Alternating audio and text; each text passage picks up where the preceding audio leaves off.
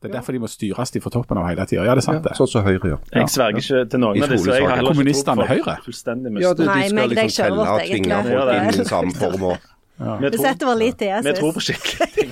Ingen er så god som Jesus, ingen er så god som.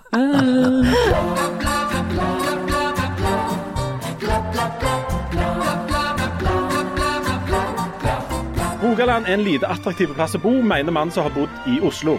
Hæ? Men vi har jo både gjennestigen drang solgt, og Ja, det var vel egentlig det.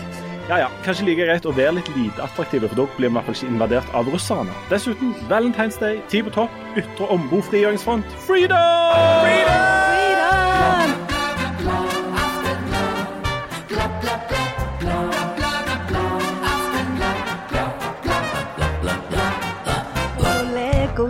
Herregud. Frihet!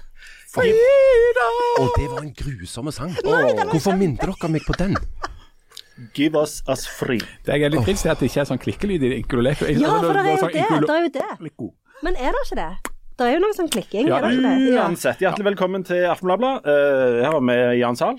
Hvordan vel- eh, ble Valentine's Day markert i det salske heim? Å, det skulle du ha sett her. Nei, det tror jeg. Nei, det skulle du ikke Eller det skulle du ha Ja. Fins det bilder? Du tror ikke det ble tatt ett bilde på vår Valentine's? Det var på mandag, dette? Ja. Ja, det arter seg sånn at eh, vi sto opp etter nok en natt med dårlig søvn, uh, og den uglamorøse frokost. Gikk på skole og jobb, kom hjem, lagde middag, Meat Free Monday.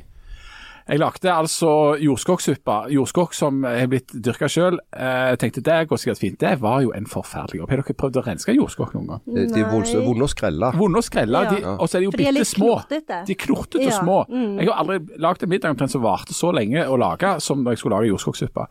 Så eh, gikk jeg tur med hunden. Så så vi eh, en episode nummer 34 eller hva det var for noe av sesong 10 av Masterchef Australia. Eh, og så gikk vi og la oss. Ingen nevnte Valentine's Day. Hvordan var det for deg, Leif Tore Linde, kjære programleder? Jo, eh, vi feirer det jo heller ikke. Men Dere feirer det heller ikke, Nei, men eh, vi, vi markerer det med å på en måte nevne at vi ikke markerer det. Ja. Men jeg hadde en liten episode. Men jeg må, siden dette er et familieprogram, så er jeg litt usikker på om jeg kan fortelle den til Det er ikke et familieprogram. Jo, det er et Nei, det var jo det det ikke var. Det er slutta å være det. Lenge siden. Men Dette la meg tenke, jeg, mulig, mulig jeg kan fortelle, jeg må tygge litt Ja. på det. Kaller dere det en episode? Ja. Ja, akkurat. Ja. Kjært barn har mange navn. Ja. Så har vi òg en duggfrisk Harald Birkvold her, som dere hørte. I, erotikkens år, hvordan eh, ble det noe ekstra markering? Nei, det var jo dampene dampende som vanlig på mandag, da. Eh, jeg uh, Steaming Monday, som dere pleier å kalle det. nå Steaming Monday, ja. Meat Free Monday. Det var ikke mye meat free. Oi. Eh, Det var det familieprogrammet. Ja, nemlig.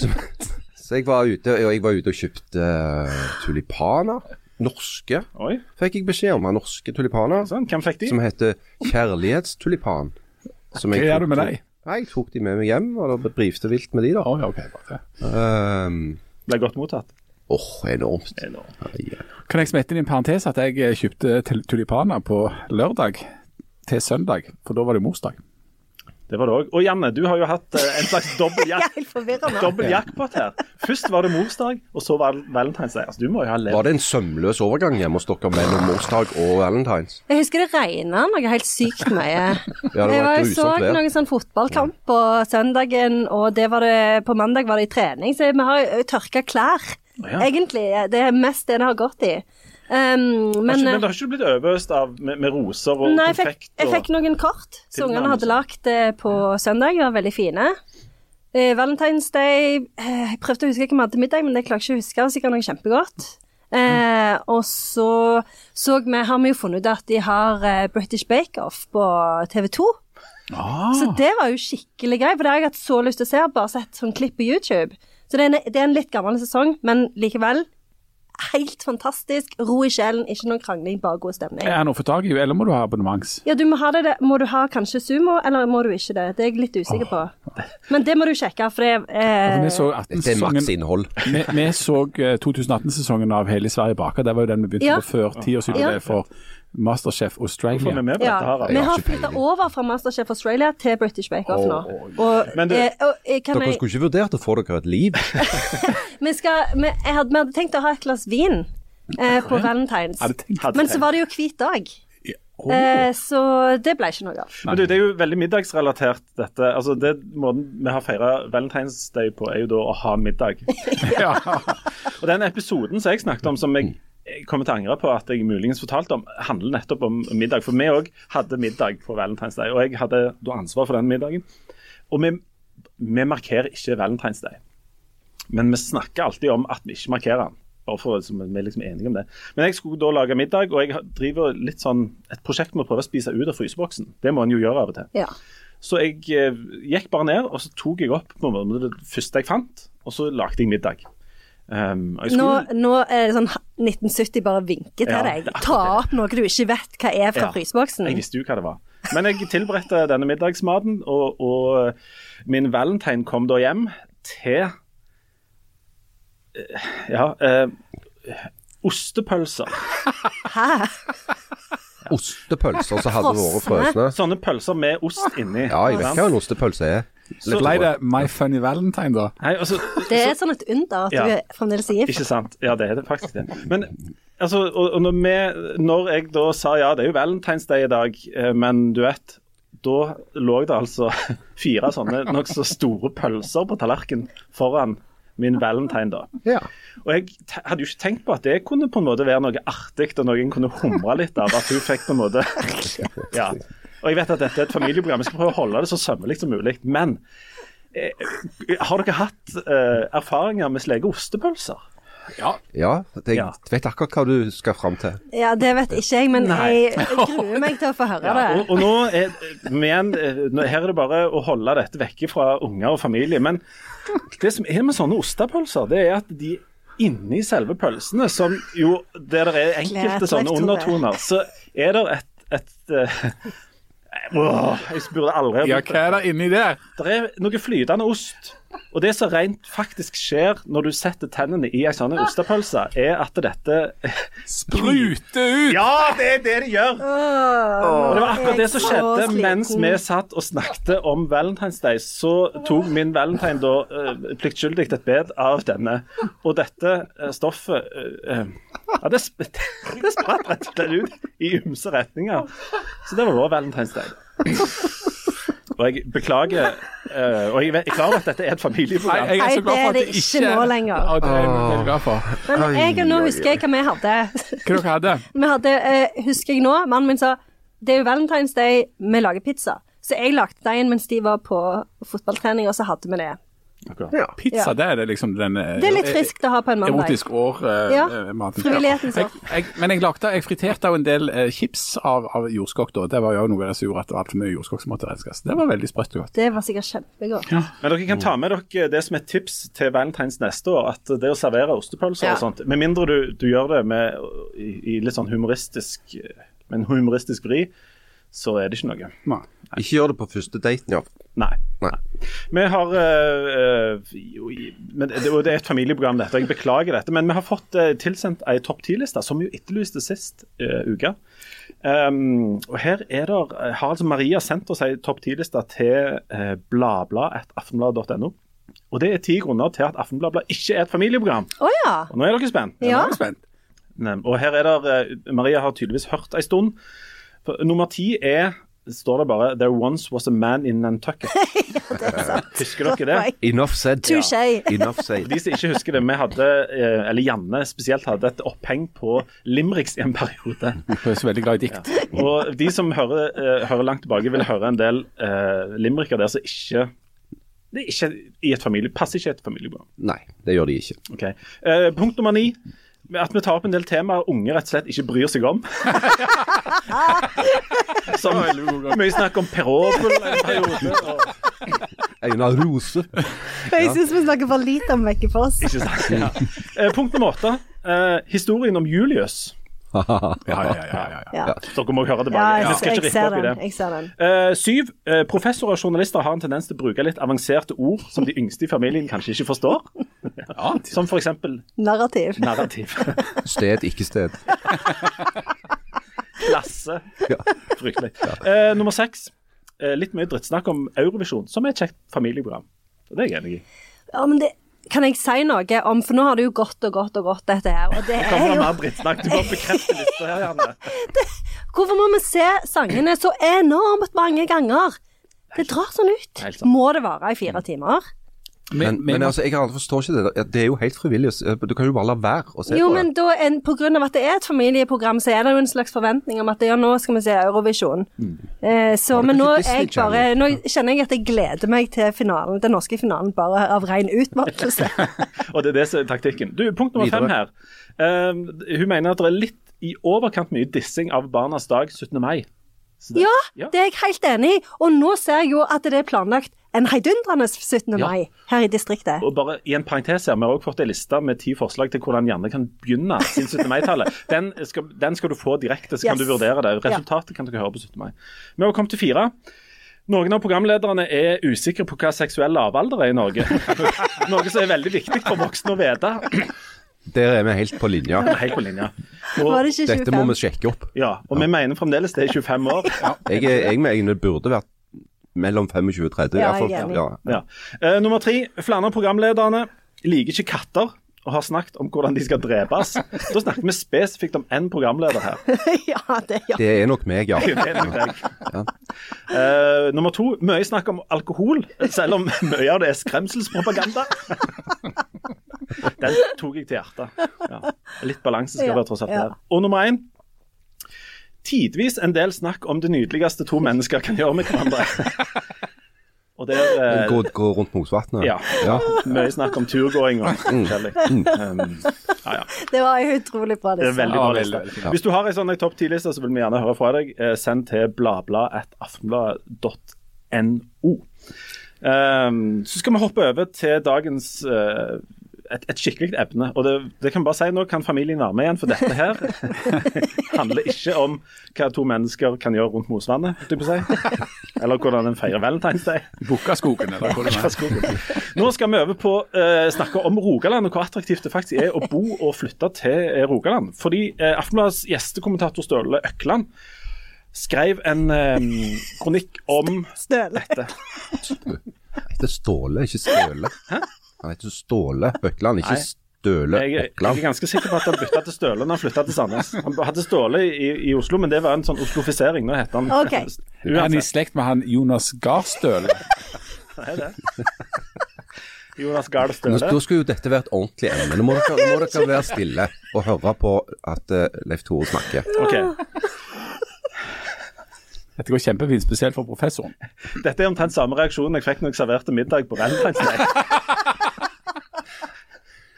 OK, carry on. OK, Støle klem. Unnskyld. Hvert år gjør Telemarksforskning en analyse av norske regioners attraktivitet. Og for å si det forsiktig, Stavanger-regionen har muligens et litt oppblåst selvbilde på dette området. Um, vi er i norgestoppen når det gjelder næring. Vi har hatt sterkere vekst i antall arbeidsplasser enn resten av landet i den siste tiårsperioden, selv om veksten har vært lavere de siste fem. Så vi har altså det som heter fundamentet for god samfunnsbygging. Men så kommer den dårlige nyheten. Eh, Vi har netto utflytting til andre deler av landet, og netto innflyttingen har vært nettoflyttingen har vært større enn venta. Så altså. eh, Vi er ikke så hot som vi gjerne tror, eller er vi det? Harald, du har jo øst deg oppover dette og, og annet. Øst og øst? Uh, er det er vel sånn at folk uh, eh, først og fremst flytter til Stavanger hvis de kan få jobb. Uh, da si Stavanger-regionen. Hvis de kan få jobb der. Og så er det en del folk som flytter herifra hvis de ikke har jobb. Eh, jeg er ikke helt sikker på om jeg syns at det eh, høres veldig ulogisk ut. Eh, at folk eh, at Stavanger-regionen er ikke sånn top of mind når folk sitter land og strand rundt og tenker, eller for den saks skyld utenfor Norges grenser og tenker mm, jeg lurer på hva jeg skal slå meg ned i verden. Og så tenker jeg ja, hvorfor ikke Stavanger-regionen? Eh, jeg, jeg, jeg sliter litt med å Tror du ikke folk tenker sånn? Nei, jeg, jeg, jeg er ikke helt sikker på om en liksom nødvendigvis når helt opp i konkurranse med liksom Barcelona-området eller uh, Berlin eller sånt. Altså det, det, vi må jo ha en viss uh, sjølinnsikt her. Uh, jeg syns det er nokså naturlig at hovedgrunnen til at folk som ikke er født her og har en spesiell tilknytning til distriktet, kommer hit, er at de har utsikter til å få seg en ganske godt betalt jobb. Eksempel så syns jeg det er verdt en del penger bare å holde ut med været her eh, i vinterhalvåret. Og ikke, og, altså det er den fra mai til oktober du snakker om? Ja, det er det. Ja. Så eh, Det er jo klart at dette er jo en sånn gjenganger, eh, særlig i det som vi kan kalle sånn konferanseutsatt sektor. Eh, å sitte og snakke om eh, hva en skal gjøre for å som, øke attraktiviteten til regionen. og bli eh, At at folk på en måte skal synes at det er andre kvaliteter ved denne regionen, bare at det er en, på en måte en arbeidsplass. Og det har gjort forsøk med, sant, med Kulturbyåret handla jo mye om det den gang da. Sant? Det skal liksom bli mer attraktivt for, for kreative folk. Sånn, må du ha et bra kulturtilbud og restauranter og de tingene der. Eh, og det stemmer sikkert til en viss grad, men først og fremst så er jo denne regionen et sted hvor folk bor og jobber.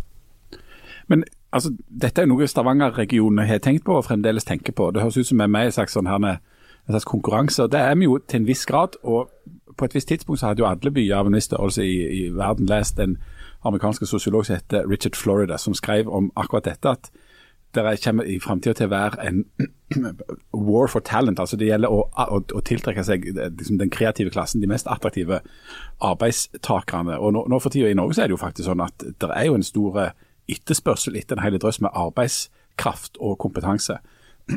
Og det er jo en det er jo en konkurranse som på en måte er globale. altså eh, folk kan, eh, Flinke IT-folk fra India kan fint eh, reise til Silicon Valley eh, og, og bosette seg der. Jeg tror ikke at Stavanger sånn sett på en måte konkurrerer helt mot verken Silicon Valley eller, eller liksom Berlin eller London eller de store verdensbyene. Men, men, men deltar nok i en slags eh, konkurranse internt i Norge da. og Det er interessant å se hvordan Stavanger gjør det målt mot Bergen eller Trondheim. Eh, og, og en, en, viss gjeng med liksom kompetente folk trenger en her. Så tror jeg jo at Stavanger har hatt en veldig sånn et ensidig image som handler om det som for så vidt Ståle Økland er inne på. altså at det er det er jobb og det er det der snusfornuftige sånn næringsmessige. altså at Vi er litt sånn sunnmøringer her. Det, det, det er liksom den jærska tida. Det er at du, det er god på sånn arbeid og sånn som er nyttig og matnyttig. Uh, og sånn som du kan telle i penger uh, og alt det der. Og det har vært veldig knytta til olje, som jo, har tjent kolossalt mye penger på. Det er ingen tvil om at det er en kompetanse i, den, den, regionen på olje og oljerelatert og hele den greia der, som jo har gitt oss en helt formidabel økonomisk vekst og har gjort at i perioder har vi hatt de høyeste boligprisene i Norge. Uh, som òg jo bremser litt hvis du er sykepleier og, og har lyst til å flytte hit. og så er jo kampen nå på en måte å snu noe av dette her. og Kulturhovedstadsår, som Harald var innom, det var jo et direkte resultat av en sånn tankegang. Vi kan ikke bare by folk noe å, å, å leve av, vi må by dem noe å leve for. altså Det må være mer innhold, noe annet i livet enn bare jobb. Um, men så er det altså men vi sitter jo her fire stykker som er, representerer utgiftene her. Med, altså, det er jo ingen, ikke noe særlig næringsliv i noen av oss. Snakk for deg sjøl. Jeg, jeg, er jo veldig på inntektssiden. Du er det, ja. ja, ja, ja. Men, men, du Janne, hvorfor jobber og bor du her? Nei, jeg jobber jo og bor her mest pga. at jeg har familie og slekt her. Men jeg tenker jo at det, at det som Jan og Harald sier, er, er riktig. Um, og det er jo litt sånn Sånn som i Sandnes, da, som jo er eh, En metropol. En, en metropol, ja. Så, så når jeg flytta hjem fra jeg hadde studert, så, så merka jeg jo at det er jo ikke så mye som skjer Nå er det jo blitt store endringer Nå siden vi flyttet tilbake. Nå er det Nå full, ja, hele døgnet. Men det er jo ikke så mye folk i sentrum. Altså, det er jo ikke så mye som skjer der. Um, om kvelden og liksom i ukedagene etter klokka fem. Men, eh, men det er jo i Altså i bydelene. Det er jo der det skjer. fordi at det, så det er, jo, det er jo Altså hvor bor du som familie? Det er jo Du, du får jo de der fritidsaktivitetene og alt det der. Men når, når du er 28 og skal flytte en annen plass, så må du må jo ha en jobb, men det er jo en hel del andre faktorer som spiller inn på hvor folk bosetter seg. Men, men Det starter jo med jobben. men Hvor, studerte du, Janne Henne? I Bergen. Du studerte i Bergen. Jeg òg også studert i Bergen, sant? Ja, for du flytta jo òg? Jeg, jeg, altså, jeg flytta jo fra denne regionen for å gå på universitetet i Bergen. Altså, der ligger det allerede noe interessant. Jeg mener at folk bør flytte vekk for å studere. Jeg òg. Eh, for at en bør ha sett noe annet enn bare den plassen en kommer ifra. Og et av problemene til eh, med ryktet egentlig til Universitetet i Stavanger er at det er så enormt mange som bor her, som går der. Eh, som gjør at du ikke får den typen studentmiljø som du får i Bergen og Oslo og, og Trondheim, der det kommer flyttende masse folk til. Og, og, og der på en måte de er mye sterkere preget av, at de er studentbyer og universitetsbyer på en annen måte. Eh, men eh, så husker jeg jo når vi da var ferdige å studere, jeg liksom var i Bergen og studerte i en liksom, seks-sju år eh, og hadde hovedfag i sammenhengende politikk. bare Ja, det. det, Oh, ja. Men da var det sånn at selv i Bergen, som da er Norges nest største by, så var det Hva i all verden kan vi gjøre her? Altså Hva slags arbeidsplasser finnes der for folk med sammenlignende politikk? Hvor mange folk med sammenlignende politikk er det egentlig behov for i Bergen, og rom for? Og hvis du da i tillegg har en, en, en, partner som også er akademiker.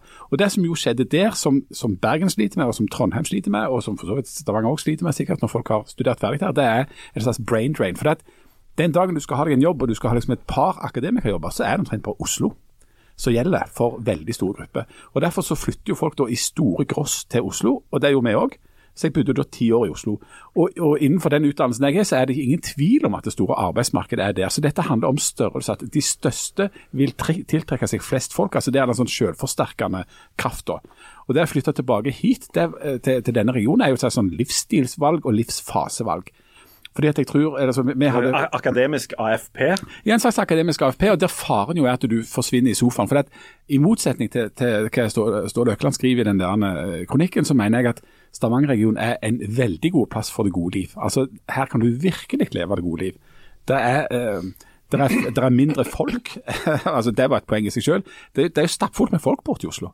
Eh, og himla styr og trafikk, og, og du bruker enormt mye tid på, på, på det, liksom. Jeg har hørt om det, det er derfor jeg har tenkt mange ganger jeg kan skulle prøvd å reise inn til Oslo en gang og se hvordan det er. Men jeg, jeg hører disse her historiene om det er så mye folk og Ja, masse trafikk. folk, masse folk, ja. Så jeg Jeg bare tror tenker ikke, det er jeg tror ikke da jeg hadde blitt veldig stressa av det. Ja, Og mye sånne impulser Ja, hele så, så, så, så, så, vi tenkte jo at ok, når vi skal liksom ha familie og unger og alt det greiene, det å se liksom på boligmarkedet, hva kunne vi få her? Hva hva slags nærhet til familie? Hva slags plass er dette å vokse opp sammenlignet med på Grünerløkka, der vi bodde da i ti år? Oi, oi, oi, Grünerløkka. Men, men det er jo sånn som Jan sier, for det er jo eh, en sånn en bok som har blitt skrevet av Richard Hoggart, som heter The Uses of Literacy, og der skriver han om liksom hvordan eh, klasseskillene ble liksom røska litt løs etter to verdenskriger i England, sånn at det, det ble mye større sjanse for at folk kunne ta seg en utdanning. Og da gjorde de jo det. Så reiste de jo til storbyene, og så tok de seg en utdanning. Og da er det jo sånn som du sier, Jan, da kan du ikke flytte tilbake igjen nødvendigvis til den lille byen som du kommer fra, fordi at det der er ingen jobb som, som trenger den utdanningen som du har. Så da fortsetter du jo å bo i den byen. Og sånn så hvis du vil flytte tilbake igjen til Sandnes eller Stavanger eller eh, regionen her, da, uten å ha noen sånn ingeniør eller en sånn oljerelatert utdanning, så må du i mye større grad liksom klore deg eh, fast på en eller annen Altså du må lage en jobb sjøl på en helt annen måte. da. Men, Det men det, jeg syns det er litt rart at vi snakker bare om liksom, oljeingeniører eh, eller akademikere. Altså, det er jo det er jo i sannhetens navn enormt mange andre jobber i Stavanger-regionen som det òg trengs. Lærere, sykepleiere, renholdere, bussjåfører.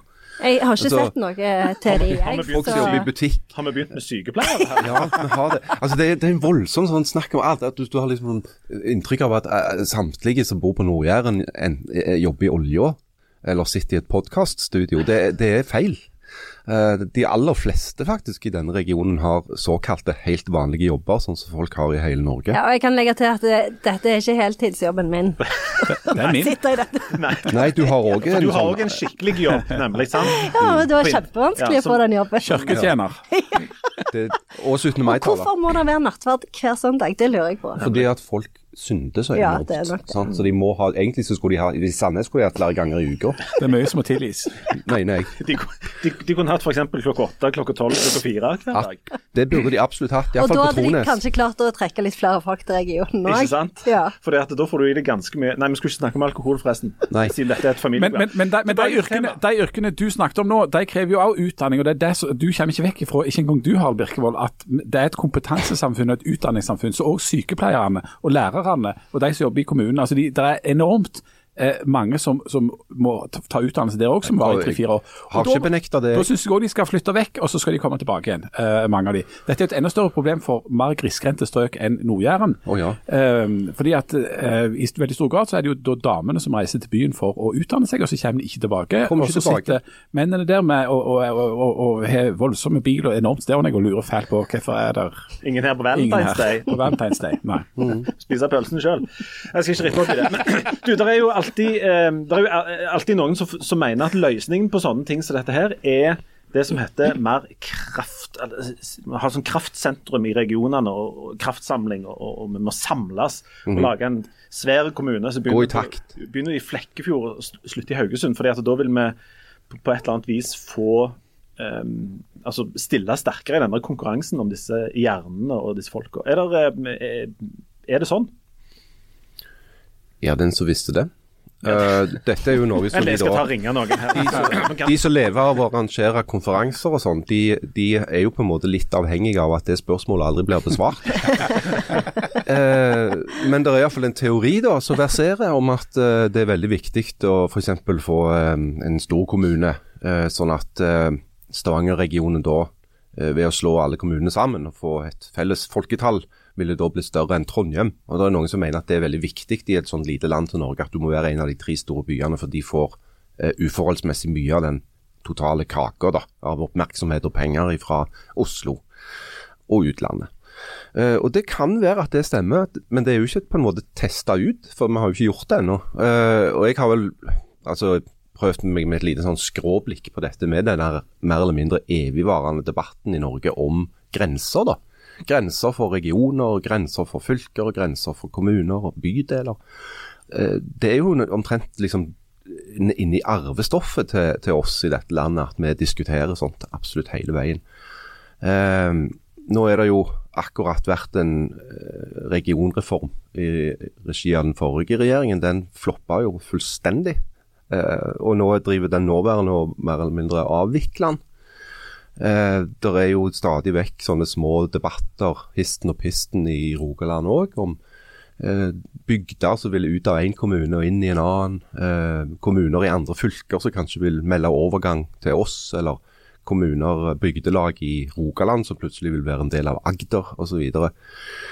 Og alt det der handler jo om, tror jeg, to ting. Det ene er et, et, et, sånn instrumentelt. Så at du tenker jeg vil heller være i den kommunen fordi at de har bedre SFO eller sykehjem. Da handler det om hva du tror du får ut av det. Og Den andre dimensjonen er kultur. Eh, jeg vil aldri være i, sitte nede i um, f.eks. i Hå kommune så jeg vil aldri i verden slå seg sammen med Time. For da kommer Brynebuen og vet du, og breier seg. Jan Zahl kommer og legger sin klamme hånd over Varhaug. Kameratslikt. Og, og det handler mye mye mer om, om hvem du er, altså hvordan du identifiserer deg sjøl. Hvis du f.eks. som Janne da er Sandnes eh, Gauk. Gauk så, så, så handler ikke motstanden mot, som mange i Sandnes har mot å bli en kommune sammen med Stavanger, bare om sånn eh, ta, ting du kan tallfeste. Det handler òg veldig mye om følelse, er mitt inntrykk.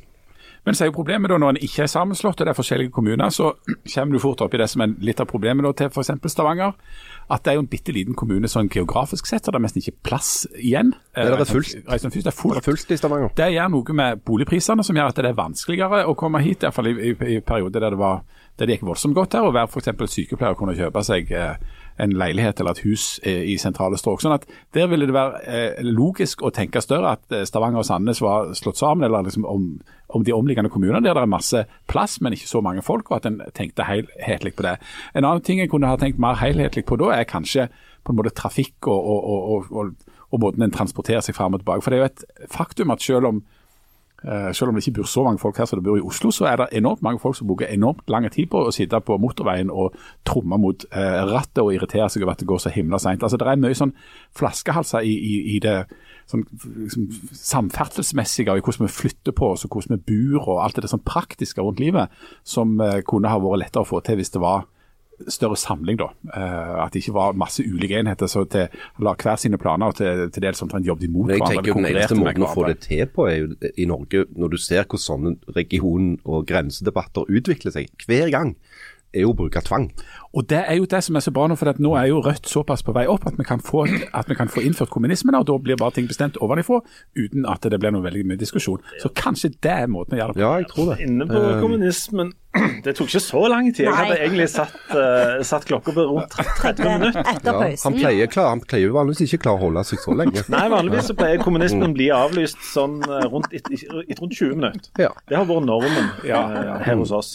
Uh, vi, vi, avlyser, vi legger kommunismen bitte litt grann is, så skal vi ta en kjapp liten pause. og Når vi kommer tilbake igjen, så skal dere altså, Det er ikke måte på hva dere skal få da. Vi skal lage eh, Rogalandsreklame live. Og så skal ha Janne lagd ei topp ti-liste. Og så er det, eh, skal vi se om det blir verdenskrig. Og vi får litt klemt inn det òg, tenker jeg. Det er helt, Ja, helt, helt, lite helt mot slutten der, liksom. Mot slutten, Ja, ja. Vi tar en liten pause, så er vi snart tilbake.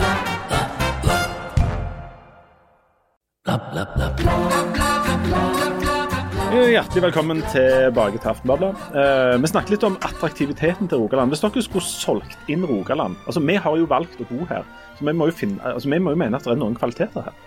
Janne. Jeg ville sagt eh, gå tur. Det er jo ingen steder det er så fint å gå tur som her. Du kan eh, både gå på Nutane og Det har de ikke andre plasser. Nei, ikke så fine. Eh, og strendene. Eh, og mange andre ting. Så det vil jeg si er topp én. Topp én. Enormt godt formulert. En kan jo bli lokka utpå til å spørre hva er topp to. Kanskje kanskje vi skulle ha det som sånn fast spalte. Sånn, Jannes topp én-liste. Det Kan, kan det være ei liste hvis det bare er én? Ja. Topp én? ja. Jan, du flytta jo fra dette Oslo og inn her. Um, og Lagde dere sånn en for- og mot-liste, og så konkluderte til slutt? Ja, mentalt muligens. Nei, altså um, Jeg mener at det er bra at det er liksom passelig med folk her. At det er liksom ikke helt ingen, men det er ikke så stappfullt heller. Og, og, og Det fører til at det er enklere. altså Det er fem minutter å gå til skolen, og det er ti minutter å gå til jobben. og det er liksom, Du kan leve veldig enkelt og greit og godt hvis du eh, bor på en lur plass. Og så må jeg også slå et slag for maten. Enormt det er mye bra ja, restauranter det er sant. Harald, hva ville du lokt eh, østlendinger og bergensere med for å komme her til? Bergensere vil jeg ikke engang forsøke.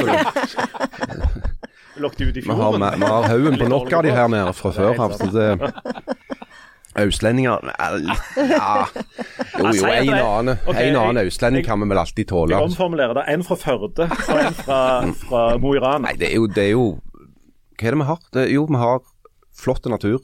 Eh, altså omgivelsene til Stavanger. Det er kort vei til både sjø og fjell. Um, det er veldig fint her. Ryfylke er utrolig vakkert. Uh, hvis Ryfylke hadde ligget på Sørlandet, så hadde det jo ikke vært uh, mulig å se sjøen for bare østlendinger. Så vi skal jo være glad for at Ryfylke ligger der det ligger. Oh, ja. Oi. Ehm, og som Jan er inne på, så har jo Stavanger til tross for sin relativt beskjedne størrelse et ganske imponerende tilbud av spisesteder og kulturtilbud i sin alminnelighet. Eh, et veldig bra symfoniorkester, et veldig bra teater. Um, sånn at det er så store kultur- og litteraturfestivaler. eh, Altså, det er mye som skjer hvis du er interessert i å bruke kulturtilbud i Stavanger-regionen. Så, så jeg tror nok det, men, men igjen så, så kommer jeg tilbake til at hovedgrunnen for at noen skulle flytte til Stavanger, var jo utsiktene til å få, få seg et godt liv. da, altså Få en jobb du kan leve av som du liker, eh, gode oppvekstvilkår for unger. Eh, sånne ting. Det er jo det som ligger i bånn for de aller, aller fleste. Men det er jo òg Kan vi få et inntrykk av at unge folk vil ha en sånn følelse av urbanitet. ikke sant? At de bor en plass der det er urbant. Er, er Stavanger og Sandnes liksom en region her stor nok til at vi kan gi folk den følelsen? Nei, jeg tror kanskje ikke det. Og vi flytta jo heller ikke hjem før vi fikk barn. Eh, for da bodde vi og jobbet i Bergen. Så, så jeg tenker at det er eh, Sånn som Harald sier, at det du det var det jeg tenkte, at det, dette er et sted hvor du har gode oppvekstvilkår, hvor det er godt å bo som en familie. Så jeg tenker at vi mangler litt av den der urbaniteten, selv om du kan få en kjempegod cappuccino. Kan du det? Så jeg, har en, jeg en god kompis som har bodd i, i London i mange, mange år. Oi. Eh, og han har litt sånn spesielle Såpass, ja. Noen sånne interesser som er litt sånn uh, spesielle. sant? Han er opptatt av han, litt sånn avantgardistiske kunst uh, og filosofi og sånne ting. Og det er klart hvis han hadde, Selv om han hadde bodd i Oslo, så ville han ikke hatt særlig mange som var opptatt av det samme som han. Eh, men i, i London så har han det. Der er det mange hundre som er opptatt av lignende problemstillinger, og som går på hverandre sine utstillinger og snakker om hverandre sine ting. ikke sant? Og, og Det er jo noe som en region som Stavanger aldri vil kunne oppnå. ikke sant? Altså Være sånn avantgardistiske, veldig sånn avanserte på enormt mange forskjellige områder. Jeg tror at hvis eh, vi, vi skal få til noe som helst, så må vi velge veldig nøye hva vi da eventuelt satser på. Og være gode på når det gjelder akkurat de der spesielle og kreative tingene.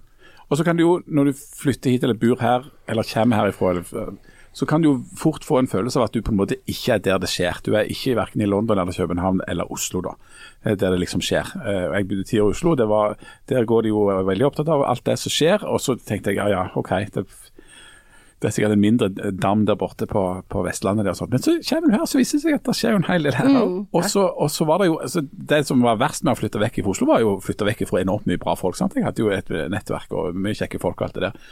Og så kommer jeg hit, og så, og så noe av det jeg fort eh, ble, liksom, kom på igjen, var at det er sånn lynne her, og det er en, en holdning som er litt sånn eh, West Coast, altså litt mer sånn avslappa, og det er en sånn det er en hel sånn attityd her som jeg mener er egentlig attraktiv, men det forutsetter jo at du klarer å sette pris på den. eh, Det er ikke sånn hei du morgen og tjohei og Ja, Det er jo noe det Sjalabais. aller beste det er jo det der vestlandske tvisynet. Ja, at det går an å være litt sånn for Det er ofte når jeg reagerer litt på med, med utlendinger, det er at de er så endimensjonale. De er liksom bare Enormt altså, sånn Er de glad. så er de glad. Er de sinte, så er de sinte. Altså, de, de må jo kunne være litt ambivalent. Jeg mener du at østlendinger ikke er hele mennesker? At de bare velger ut en del som de Ja, De må jobbe litt med seg sjøl. ja. Det er jo mindre rappere i Stavanger, som kjent. Ja, det, Eh, er- det er jo det er litt lite sånn type sånn urban kriminalitet og sånn. Ja. Men jeg snakket Og så om- vi er ikke avantgarde, men vi har mye nihilisme. Og Ja, det det er like Ja, mye ja, verdt. ja. Og så er Ja. vi gode dikt- Absolutt. Og så er vi gode dikter på ord, f.eks. avantgarde, nihilisme eller sånn som ingen vet hva det betyr. Det er vi kjempegode til. Alle vet jo det. Ja, Voksenprogram, dette. Det er voksenprogram. Jeg snakket òg med en tilflytter herifra. Eh, Han var eh, brite, og han sa det at eh, eh, grunnen til at han eh, ville bo her Han har jo flytta vekk igjen, selvfølgelig. ja.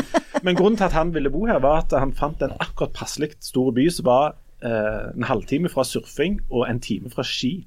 Mm. Altså fra snøen. Mm. Og Det sa han at det var det mente han var helt, helt unikt. Det er ganske optimalt for de av oss som liker å gå på ski av og til, men ikke trenger å ha det utenfor huset. Ja. Sant? Så er jo, ligger jo Stavanger veldig godt til, for det er jo, som han sier, det er time bil, så er det jo snø så det holder. Og Sandnes ligger kanskje enda bedre til. for Kanskje det. enda bedre, ja. Ja, det er jo nærmere Sirdalen. Ganda, Mm. Det viser seg at Gandalen er faktisk det, det helt optimale på, på Eller Vatne, kanskje. Det er jo enda nærmere. Vatne er jo ikke så bra. Det var jo det som du av dissa så Ja, ja, grusomt det er jo og et kalte et ikke-sted. Ja, ja. Hva Har du fått noen reaksjoner fra Nei. Nei. vatnemiljøet. Kanskje vi ikke har lyere noen- på Nei, det, det er jo ikke Jeg tenker Ålgård må jo være det beste, for da slipper du den køen. Så kan du bare Ja, du slipper køen før Ålgård. Ja, det er jo den som er den verste køen. Jeg tror ikke vi skal bare pushe Ålgård når vi skal reklamere for dette fylket. No offense, Ålgård, men jeg tror vi skal spre kreftene Hvis du egentlig bare flytter til Sirdalen, så er du jo på en Ja, måte framme. Så slipper du den køen. Da er du golden. Men altså, hvis vi hadde vært enormt attraktive, så kunne vi risikert at uh, Putin satt borte i Russland og så kikket på oss og tenkte Hmm. Mon tro om det er noen grep vi kan ta her for å lage en større region. Ja visst. Um, Men det, er i dag de skal invadere, er det ikke det? Ja, men det er vel i dag de ikke skal invadere, er det Det er ikke det? det? det det er litt tvil om. Har ikke skjedd ennå, da. Har ikke skjedd ennå. Altså, as we speak. jeg lurer på om man ventet etter den der sprintstafetten i langrenn, for der er, kan Russland gjøre det nokså godt. Oh, ja. Og så Ja, de skulle ha kan det. samhold, de skulle ha samholdets lag borti Ukraina i dag, og noe flagging og noe sånn hurra og sånt. Ja, nei, Det er artig å sitte på avstand og se på litt krig. Ja, ikke ja. Du, eh, der, der er jo Det er vanskelig eh, for, for de fleste av oss å få en sånn følelse av om det er en sånn reell eh, krigsfare her. Men du Jan, du har jo fortalt tidligere om at når du var liten, så satt du og var litt sånn eh, Frykta at det skulle bryte ut krig i verden. Har du den samme følelsen nå? Altså, Jeg må starte en annen plass med at, med at det, det, er enormt forvirrende, dette her, eh, de beskjedene som kommer. For du blir veldig usikker på hva det er. For den ene dagen så eh, altså, Av alle ting så er det da altså USA som sier at nå kommer russerne til å invadere og at nå blir det krig. Og så sier russerne nei, nei, vi skal ikke invadere, det blir ikke krig. Og så er det noen eksperter som sier at ja, nei, nå blir det krig og alt det greiene der. Og det, eh, det er jo sånn som, en, som er på nyhetene, og som går inn eh, de jeg f.eks. bor med. Ikke minst eh, de som er litt yngre, da, sant, ungene. Eh, og da kommer jeg litt på meg sjøl når jeg liksom ser min 15-åring sin reaksjon på på dette. Hun er jo i perioder nå var helt bombesikker på at nå blir det krig. Og Da kom jeg på den 15-årige meg sjøl. Eh, fordi at i, når jeg gikk i femte klasse, hvor gammel er du da? Sånn tolv cirka? Mm, Ja, nei, litt yngre, Ja, kanskje. er Ja. Da hadde vi fått en ny klasseforstander. Og så er det jo sånn i livet at eh, du starter med å tro at, at alt det foreldrene dine sier er sant, og så får du en ny autoritet, og det er læreren din. Og eh, Derfor så trodde jeg på det lærerne sa. Og denne læreren vi fikk, han fortalte om en kar som heter Nostradamus. og han Var det eget fag? det spesielle med Nostradamus han, det var at han var så god å spå. Han hadde spådd han hadde spådd første verdenskrig, han hadde spådd andre verdenskrig, han hadde spådd Hitler. Hitler. Hitler, og han hadde spådd eh, Han hadde spådd en, og masse sånn teknologi, helikopter og ubåter og i det hele tatt. Og så hadde han også spådd at tredje verdenskrig skulle snart starte i 1984. Dette fikk jeg beskjed om i ca. 1982. Eller 1981. Eller ja, sånn tidlig på, tidlig på 80-tallet. Dette forklarer en hel del. Ifra den, og, og dette var jo i den kalde krigen, og det var sånn her eh, nei til atomvåpen-button som marsja rundt omkring. Men dette førte til at jeg ifra den dagen i 1981 ca. var sikker på at det skulle bli tredje verdenskrig i 1984. Han sa at, eh, at Nostradamus hadde spådd at denne krigen skulle starte der som sivilisasjonene hadde oppstått, nemlig mellom elvene Eufrat og Tigris, som betyr Iran, Irak. Um, og at um, Der var det jo da uh, Ira, i, krigen Iran-Irak uh, foregikk uh, da tidlig på 80-tallet. Så der hadde det jo på en måte allerede begynt. Og så var det jo åpenbart at det var USA og, og, og Sovjetunionen som skulle krige med hverandre. Fra da av ble jeg en slags nyhetsjunkie. Jeg drev og hadde eh, klokkeradioen på hver morgen og begynte å høre på nyhetssendingene, for jeg var usikker på, jeg, jeg ville følge med på utviklingen av denne verdenskrigen. Og så jeg, jeg, jeg vokste på en måte opp i en sånn grunnangst, eller gr sikkerhet på at nå kom det til å bli krig. Og jeg var helt genuint, forsto ingenting eh, i, når, når 1984 tok slutt og 1985 begynte, og vi fremdeles var i live. Var det i 84, tror jeg, eller 83, at at det var noe sånn nedskyting og noe angrep i Libya. av noe sånt. altså Der var det bare så vidt. sant, Russere og amerikanere og sånt. altså ja. Men, men det er en stemning som fort kan sette seg i folk. Det, det bisarre nå er jo å se reportasjene fra Ukraina, for der bare går de rundt og smiler og flirer. De der folk som bor på bakken i Ukraina, de trenger jo du Vi har jo dette levd med denne her konflikten veldig lenge uh, nå i Ukraina. Uh, men jeg, jeg kjenner igjen den følelsen du snakker om. fordi at eh, jeg, tror det, jeg tror en del unge i dag har den lignende følelsen som er kanskje vår generasjon når det gjaldt dette med potensialet for atomkrig, og at uh, verden skulle gå unna i en slags uh, kjernefysisk ragnarok. Med den følelsen mange unge har av at uh, kloden kollapser, klimaet, artene forsvinner. Sant? At vi, vi dreper jorda. Som jo er en ganske dyster tanke. Heldigvis så viser det seg jo at vår, min generasjon sin frykt for at det skulle bli atomkrig, heldigvis var ubegrunna, da. Eh, eller det vil si, han var ikke ubegrunna, det var jo en reell fare for det, men det, det, klarte jo å unngå det. Jeg tenker at Det som skjer i Ukraina nå òg, kan hun jo håpe eh, vil, vil munne ut i at det ikke blir krig. Eh, for det at en vet jo hva som skjer hvis det blir. Det, det er sivilbefolkningen som betaler prisen for disse her stormaktsambisjonene på begge sider. Men du, Det skjedde jo noe der. Vi snakker jo av og til som om Russland står rundt hele Ukraina og vurderer å gå inn og ta en bit. Men eh, de har jo allerede forsynt seg litt grann av dette her. eh, Har de ikke Ja. det, Harald? Jo, Er det jo de annek annekteringen av Krim-halvøya eh, var jo på en måte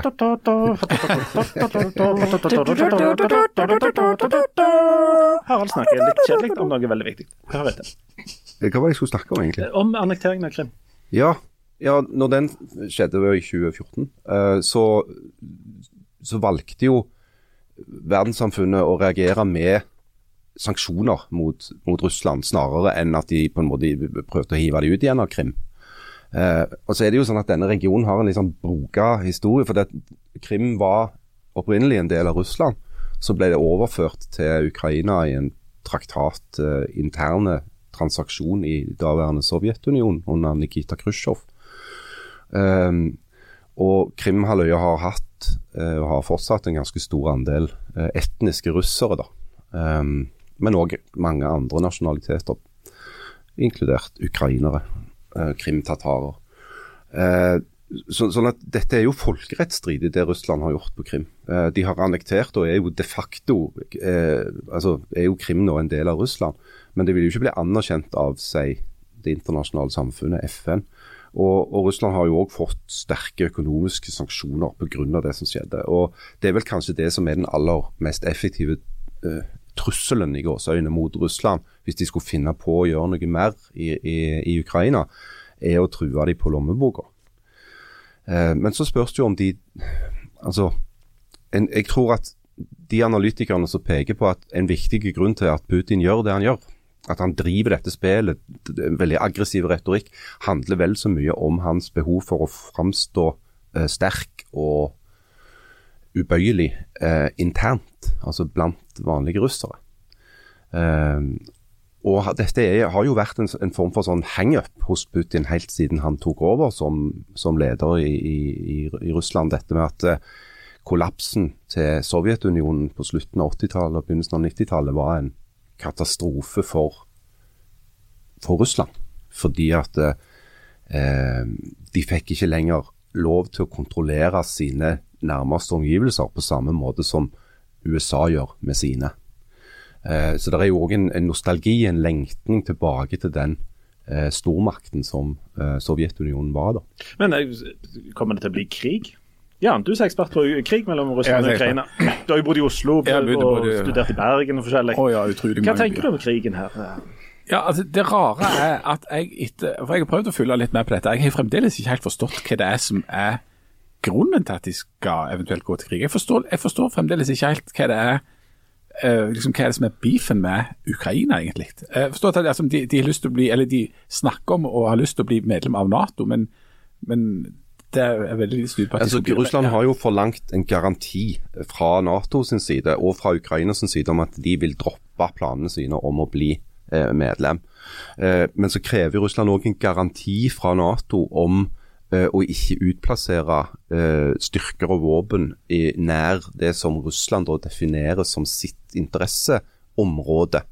Eh, og Det som gjør at dette blir nokså eh, sprøtt, da, det er jo at en del av de landene som Russland Putin erklærer som del av sitt interesseområde, er jo frie, demokratiske land som eh, er med i EU og har lyst til å bli med i Nato Ja. og sånn. Men dette er noe jeg ikke forstår, for dette er en, altså en beef med Nato, så da invaderer han Ukraina. Altså, det- Ja, for Det synes jeg også er veldig forvirrende. For I går så hadde jo NRK sånn eh, hvert tiende minutt så var det sånn Nå invaderer de, nå invaderer de ikke. Nå en siste sånn blinke, blinke, blinke. Og da var det jo en sånn en lang eh, artikkel om hva som skjer nå, og så hadde de en sånn faktaboks med alle disse her kravene som Russland har til Nato. som som var kjempelang, og til slutt så sto det bare 'det er også flere krav'.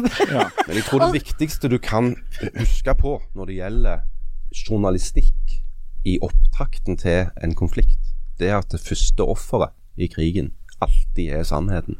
Sånn at alt som blir skrevet og sagt ifra partene i en sånn situasjon, må tas med minst to svære never med grovsalt. Men det som jeg syns var så forvirrende eh, likevel, da, det var det at den artikkelen handla ikke om Nato i det hele tatt. Det er jo litt sånn som du sier, Jan, at du, ja, men dette handler jo om Ukraina, og så er det en sånn faktaboks om Nato, så det er akkurat som ingen er helt sikker på hva som egentlig er forholdet mellom altså Det er jo en form for sånn proxy war, ja, heter det er jo på litt- fint. ja, sant? det er jo det. at- Hvis han Putin var så tøff, skulle han heller invadert Nato. Ja, det syns jeg. Og liksom Å, så veldig naken men, men, men, men for å svare på spørsmålet ditt, da. For du stilte jo et spørsmål. Ikke så jeg husker, men vær så god. Du spurte om jeg trodde at det skulle bli krig. Ja. Og, men, men, og jeg har jo ikke trodd at det skulle bli krig, så jeg har vært veldig rolig. Jeg har liksom ikke funnet fram min indre 14-åring i det hele tatt. Og jeg har eh, sagt til vår 15-åring at det, jeg tror ikke det kommer til å bli krig. Og det er rett og slett fordi at jeg kan ikke forstå hva Putin skulle ha vunnet på det. Altså Rent sånn realpolitisk. Han tøffer seg nå, og det er mulig at han styrker sin indre stilling i, i Russland og framstår som sterk mann fordi at han ypper seg og tøffer seg og, og, og flekser musklene sine. Men i det øyeblikket han går inn i det landet, og det blir krig, og det er såpass til forsvaret i Ukraina at det ville blitt drept en hel drøss med, med folk, og med, med russere og med ukrainere og alt i hop. De de, de er jo veldig tett i slekt med hverandre, disse landene.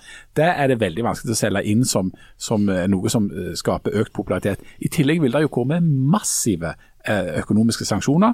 Altså Da hadde Krim på en måte bare vært en liten sånn fjert i forhold. Og Det ville gått utover den eh, russiske økonomien. Det hadde heller ikke vært bra for, for Putin. Så det, det jeg ikke forstår heller, altså Hva slags interesse skulle Putin ha av å sette i gang en krig her? Hvis strømmen blir mye dyrere. Mye dyrere. Altså. Mye dyrere. Ja, det kan vi ikke ha noe av. Men da er det godt at vi Stiger Da stiger boligprisene. men da er det bra med Huda What's-Her-Face fra Bergen som ordner opp. Ja. Eh, Bare still henne noen spørsmål i spørretimen. Nei, nei, Aften har jo avsatt henne på lederplass. Nei, hvordan var det Jobber hun der ennå? Jeg tror ikke de har abonnement, for det at hun, hun er jo med ennå. Bare en siste ting om, om, om uh, Ukraina, Harald. Um, opp gjennom historien så har jo stormaktene, altså eh, USA og Sovjetunionen og disse her, eh, drevet og litt sånn småkriger med hverandre bare i Har funnet et annet land å holde på med dem. Enten de har gjort det i Afghanistan, de har gjort det litt i Afrika, kanskje litt i Midtøsten. Og så, og så, har, de, ja, så har de egentlig en krig med Bare de finner et Korea de outsourcer selve krigen til et tredjeland. Er dette litt sånn? Ja, det var det, vi var litt inne på, Janne. Jeg hørte her, ikke sant? Altså, det, det de kaller proxy eh, krig. Dere kan ikke bare dikte Altså, opp ord. Vi må holde oss til de ordene som Jeg foreslår at du lærer deg et par fremmedord. Uh, altså Det handler jo om at, at det at det utspiller seg i Ukraina uh, Det kunne vært et annet sted òg, men nå har det blitt Ukraina. Eh, og Grunnen til det er jo at Ukraina så ulmer jo denne konflikten. Eh, den er veldig levende fordi at du har en stor russiske, etnisk russiske minoritet i Ukraina. Eh, du har separatistbevegelser og områder i de østlige delene av Ukraina, sånn som Donbass-regionen, eh, som de facto har meldt seg ut av Ukraina og ønsker å bli en del av Russland. Eh, Akkurat som ombo og ja, det blir på en måte litt, litt som ombo, bare det at de, de har mer våpen i, Don, i Donbass. da. Men det er Ukrainas Ombo. Meningen, det. Vi kan, vi kan si det sånn. Ja.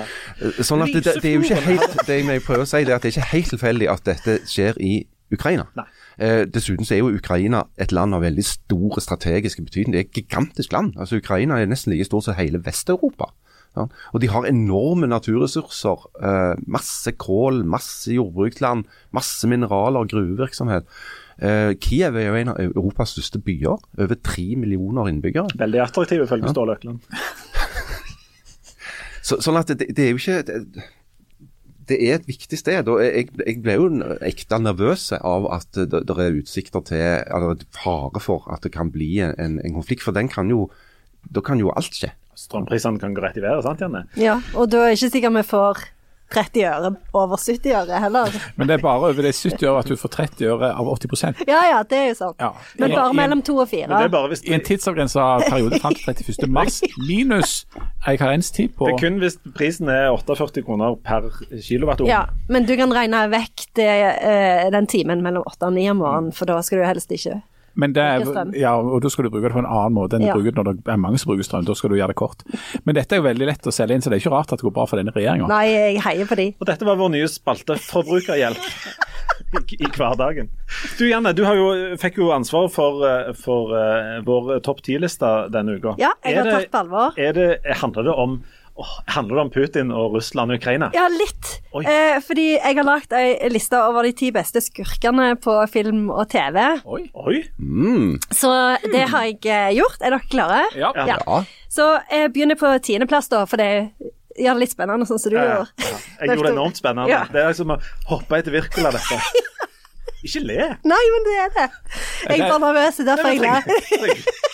Trenger ikke le, bare Men det er jo en ellevte olympisk øvelse vi burde fått tilbake. Det er å hoppe etter Wirkola. Det gjør de vel for så vidt hele veien. Han er ikke sånn rett etter. Det, det Jeg er så dere den Altså- den, eh, reportasjen i DN om eh, de finske hopperne, og hvor dårlig det går med finsk hopping nå. Det var veldig fascinerende Ikke lesning. det samme etter at Nykenen la opp. Nei, La Janne Ahn, Eller min navnebror. Mannen som aldri smilte. Nei, En sånn liten språklig ting når vi først er inne på dette, Janne, du som har god greie på dette. Det er det med å hoppe etter Wirkola. Er det ikke sånn at etter Wirkola hoppet, så har absolutt alle i hele verden hoppet etter han? Det var jo det jeg sa! Ja, men hører jo ikke etter. Jeg kan ikke høre etter på alt det du sier. Men Wirkola, er det finsk? Det høres ut som et finsk navn. ja, er ikke han Jeg tror han var sånn skogfinne. Nei, han er fra, eh, fra Nord-Norge, Trondheim en plass. Norsk Ja, men det er helt ja. åpenbart at han har sine røtter i det finske. Det skogfinske miljøet. Det er jo en av minoritetene som nå skal løftes fram. Nå i- begynner jeg med lista. OK, tiendeplass. Audun Automat. Ja, Der har du en skurk. Med det der onde fliret sitt, så kommer han inn og, og, og, og som en sånn kapitalistisk eh, makt som prøver å eh, trykke bøljebandet ut Mm. fra eh, Pelle sin kjeller, hvor det jo vitterlig er god God akustikk. akustikk, Ja. Og de er veldig, veldig gode. Ja. Men han heter jo ikke, han heter jo ikke Audun Automat, han heter Audun Automat. ja, det gjør han, for det, og det er jo en sånn dialektproblem. Ja, en veldig bra skurk. Eh, nummer ni.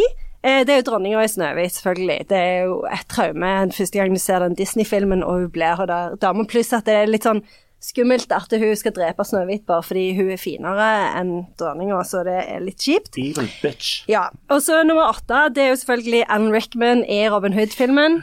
'Christmas is cancelled'. Det blir ikke bedre enn det. Eh, og eh, Rickman, Alan Rickman har òg syvendeplass. Oh, ja. For det er jo selvfølgelig Hans Gruber i Die Hard, for det blir jo eh, nesten ikke bedre enn det. Det er en veldig bra skurk. Ja, Og så er det eh, Villanelle eh, i 'Killing Eve'. Eh, som nummer eh, seks. Hun er jo veldig skummel, men ikke så skummel som Kathy Bates i den der Mystery-filmen. Og hun er det, det, hun er så skummel, og hun sier jo sånn He didn't get out of the cockadoodle car. Og det er kanskje det skumleste noen noen gang har sagt. Fordi hun er jo så sint fordi hun mener at is, fortellingen hans ikke gir mening. At han, den cliffhangeren er, øh, løsningen cliffhangeren er ulogisk. Det er jo enhver forfatters største mareritt å bli konfrontert med. Er fryktelig. Hun gjør noen ting i den filmen der som ingen mennesker bør gjøre mot noen andre mennesker. Nei, det er så guffent. Er mener du at liksom, grensa grenser for litterær kritikk går på rundt det med å knuse kneskålen eller brekke alle beina i kroppen til en person? Hvis du misliker Er det verre å- Det er vel verre Altså, det der knusing av kneskåler, det har jeg ikke noe til overs for. Du har ikke det, nei? Nei. Men er det, Men det er veldig, veldig effektivt hvis du vil, vil virkelig vil understreke et poeng. Ja, det er det. Ja. Det Hvis du, er er, hvis du er skikkelig skikkelig irritert over cliffhanger eller at det mangler i teksten, at du da bare tar kneskålene, da har du iallfall fått fram det poenget. Ja, for du, ja. du kan jo fortsatt skrive. Ja, ja, ja. ja. Men Jan har, Jan har jo ansvar for litteraturanmeldelser i Aftenbladet. Vi har begynt vurdert å innføre det. Hvis, du, hvis, du, hvis det er litt dårlig manus, så tar vi kneskålene. Ja. Få skjerp til greiene. Folk skjerper seg da. Da var vi på nummer Fire. Eh, og det er jo Javier Bardem i No Country for Old Men. Og det som er løye med det, det er at det, han òg hadde vært nummer fire i ei sånn lookalike-liste med folk som ligner på meg. Fordi, som vi jo har har snakket om før, ja. så har, og jeg har jo et bilde hvor vi ser helt like ut på håret, som jeg kan godt dele på Instagram eh, på. Instagram. Eh, så det, det eh, Så jeg, jeg ligner ligner ikke alltid på Javier Bardem, men bare i denne No Country for Old Men. Mm. Men du må ikke smile hvis du skal ligne på det. Nei, for han smiler, han smiler jo litt innimellom i den filmen, for han er jo litt sånn av det har noen veldig skumle samtaler med folk. Han smiler vel ikke akkurat, han, han, han trekker litt på smilebåndet. Ja.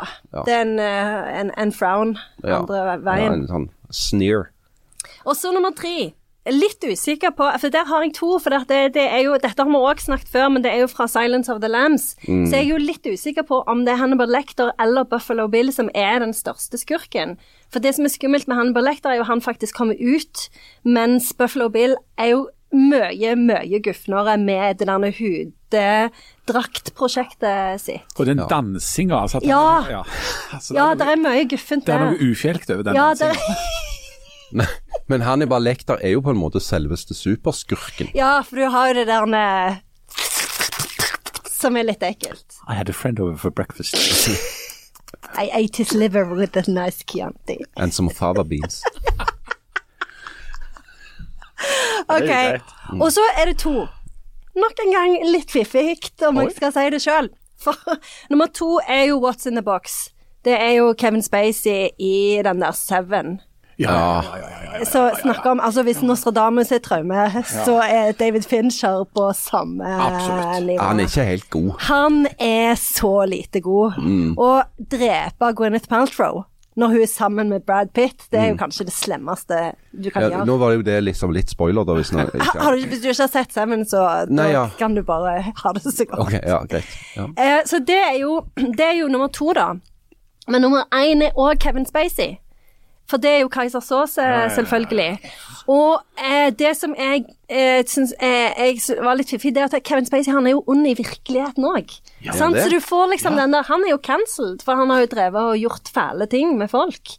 Hæ? Jo jo, det er lenge siden. Det var jo Nå- derfor nå- han ikke nå- fikk lov å være med i House of Cards. ikke- Men nå, nå er han vel ikke akkurat dømt i noen rettssak, og det er vel litt sånn strid om det der. sånn at du bare Men, du Men cancel det er jo ikke dømt i noe Ja, ja, ja. ja, ja. Ja, ja er, ikke- ja, sånn. er ikke den så god som noe? Det er det, som, det er det som kalles for eh, et, et rettssystem, ja. Ja, Eh, dette sånn- er peak woke. det, ja, ja. Ja, Han, han fikk ikke være med i House of Cards, og det er godt nok bevis for meg. ja Da er du en Ja. superskurk. Ja, du er det. Han fikk Så- ikke engang lov å spille en superskurk. Nei. Så, Så da, skurk er han. Da skjønner du hvor skurk han er. ja, ja. Ja. Så, så det var min liste. Ja, det er en bra en liste, altså. altså. Det, er en kjempegod liste. Ja. Ja. Hvem er det som skal ha lista neste gang? Det er vel deg du har, eller? Åh, oi, oi, oi, oi. Ja, og nå er det jo sånn at nå skal du hoppe etter både herr og fru Wirkola. Nei, så var det Uavhengig om det er finner eller hvem det er. skogfinner. Så nå ligger jo nivået ekstremt høyt. I know. Så Eh. dette er forventningens bue Er er, du- ja. er spent til bristepunktet. Ja, som de sier i Ukraina. Gi dem noe litt hardt stekte ostepølse, så Vi må ikke rippe opp i det. Du, hvis, du, hvis du har ei topp ti var det åsne. Hvis du har en topp 10-liste eller andre ting du vil eh, gjerne si til oss, så send oss gjerne en e-post på bladblad i ett ord, at aftenbladet.no. Og følg oss gjerne på Instagram òg, forresten. Det må dere, det må dere gjøre. Um, da tror jeg vi eh, trekker oss det tilbake. Ja, men Vi må jo gå ut av dette studioet og sjekke om det har blitt krig. Det må vi faktisk. Skal jeg ta et lite sjekk på internett? Ja, gjør det. Gjør det. eh, kort? Vi tok aldri av, så hadde den avsluttende jinglen på Harald sitt innlegg om Ukraina, men Så kanskje på en måte så var det eller, eller Ja, kjedelige ja, i mitt innlegg hode så gjør det det. Ja, ja, ja. Men da er jo ditt, dine topp ti gått inn i det kjedelige Ja, det var det jeg reagerte litt negativt på. Hvis du må scrolle såpass langt nedover på VG uten at det, uten at det står noe om at det blir krig, så er det sannsynligvis Ja, men ikke eh, det. altså, det, det som er noe viktigere enn eventuell krig, det er her er det ei dame som har en månedslønn som er i snitt 115 000. Jøss. Um, det, er et menneske, Luksusprostituert. skal vi se. det er et menneske som har fått ny Det er den eneste måten damer kan tjene så mye på. Nettopp. Nei, det, eller, Eller bli professor. litteraturprofessor. Litteraturprofessor, kirketjener og sånn uh, podkastgreier. Og her er det noen som har direktesendt seksualundervisning. Det kunne jo nesten vært oss.